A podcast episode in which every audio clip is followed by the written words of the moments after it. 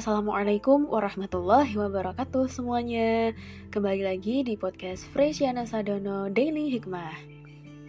Pastinya teman-teman udah lama banget kan gak denger podcast dari aku? Oke, okay, here we go. Sebelumnya aku mau berterima kasih dulu sama teman-teman yang udah bertahan dalam hidup ini baik apa pun situasi dan kondisinya. Karena aku tahu perjalanan kita dalam hidup ini nggak ada yang benar-benar mudah. Apalagi dalam mempertimbangkan suatu pilihan. Nah, di sini aku yakin banget teman-teman semua udah pernah ngalamin berkutat sama pilihan-pilihan, iya kan? Misalnya nih, kalau ada yang mau masuk ke perguruan tinggi, mau milih jurusan A tapi kok kurang worth it ya. Nah, terus kalau ke jurusan B tapi kok biayanya mahal ya. Nah gitu atau buat kalian mahasiswa-mahasiswa yang lagi skripsian mau pilih bidang A tapi kok prestisius ya orangnya pinter-pinter.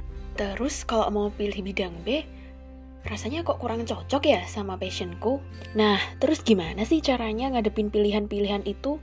Kok tambah makin bingung ya? Gak usah bingung.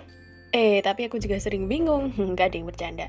Oke, Buat teman-teman yang beragama Islam, pasti kalau dengar kata pilihan-pilihan akan relate nih sama namanya sholat istikharah. Iya, bener banget. Terus, gimana caranya sholat istikharah? Sholat istikharah itu bisa dilakukan kapan aja teman-teman, kecuali pada tiga waktu terlarang. Nah, kapan aja sih waktu terlarangnya? Yang pertama, tuh di antaranya ketika matahari terbit atau sedang berada di tengah atau sedang terbenam itu menurut hadis riwayat jamaah kecuali Bukhari. Tapi kalau teman-teman butuh banget mendesak gitu ya butuh segera sholat istiqoroh sebagian ulama itu memiliki pandangan bahwa sholat istiqoroh boleh dikerjakan saat itu juga walaupun pada waktu yang terlarang. Nah terus berapa kali kita bisa melakukan sholat istiqoroh sebenarnya bisa nih dilakukan sebanyak satu kali yaitu dua rakaat. Tapi bisa diulangin dua atau tiga kali ketika masih ragu. Sampai teman-teman ini tenang dan yakin terhadap salah satu pilihan yang ada.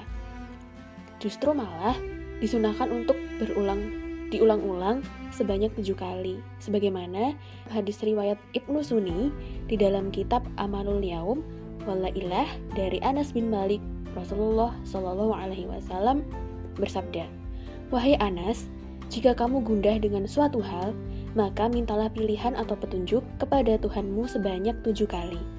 Kemudian, lihatlah yang tersirat pada hatimu, maka sungguh kebaikan ada di dalamnya.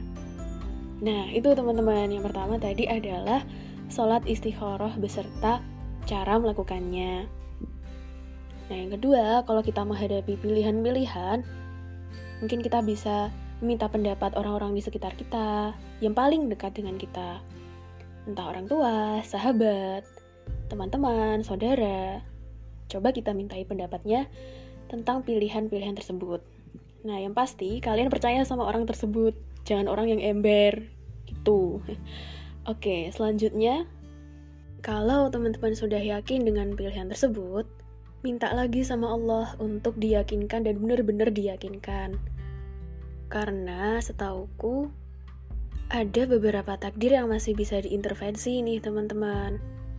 Alias diusahakan. Dan maksudnya tetap ada kemungkinan-kemungkinan takdir yang akan kita pilih seperti itu. Tapi selebihnya tetap dipegang sama yang Maha Kuasa, yaitu Allah Subhanahu wa taala.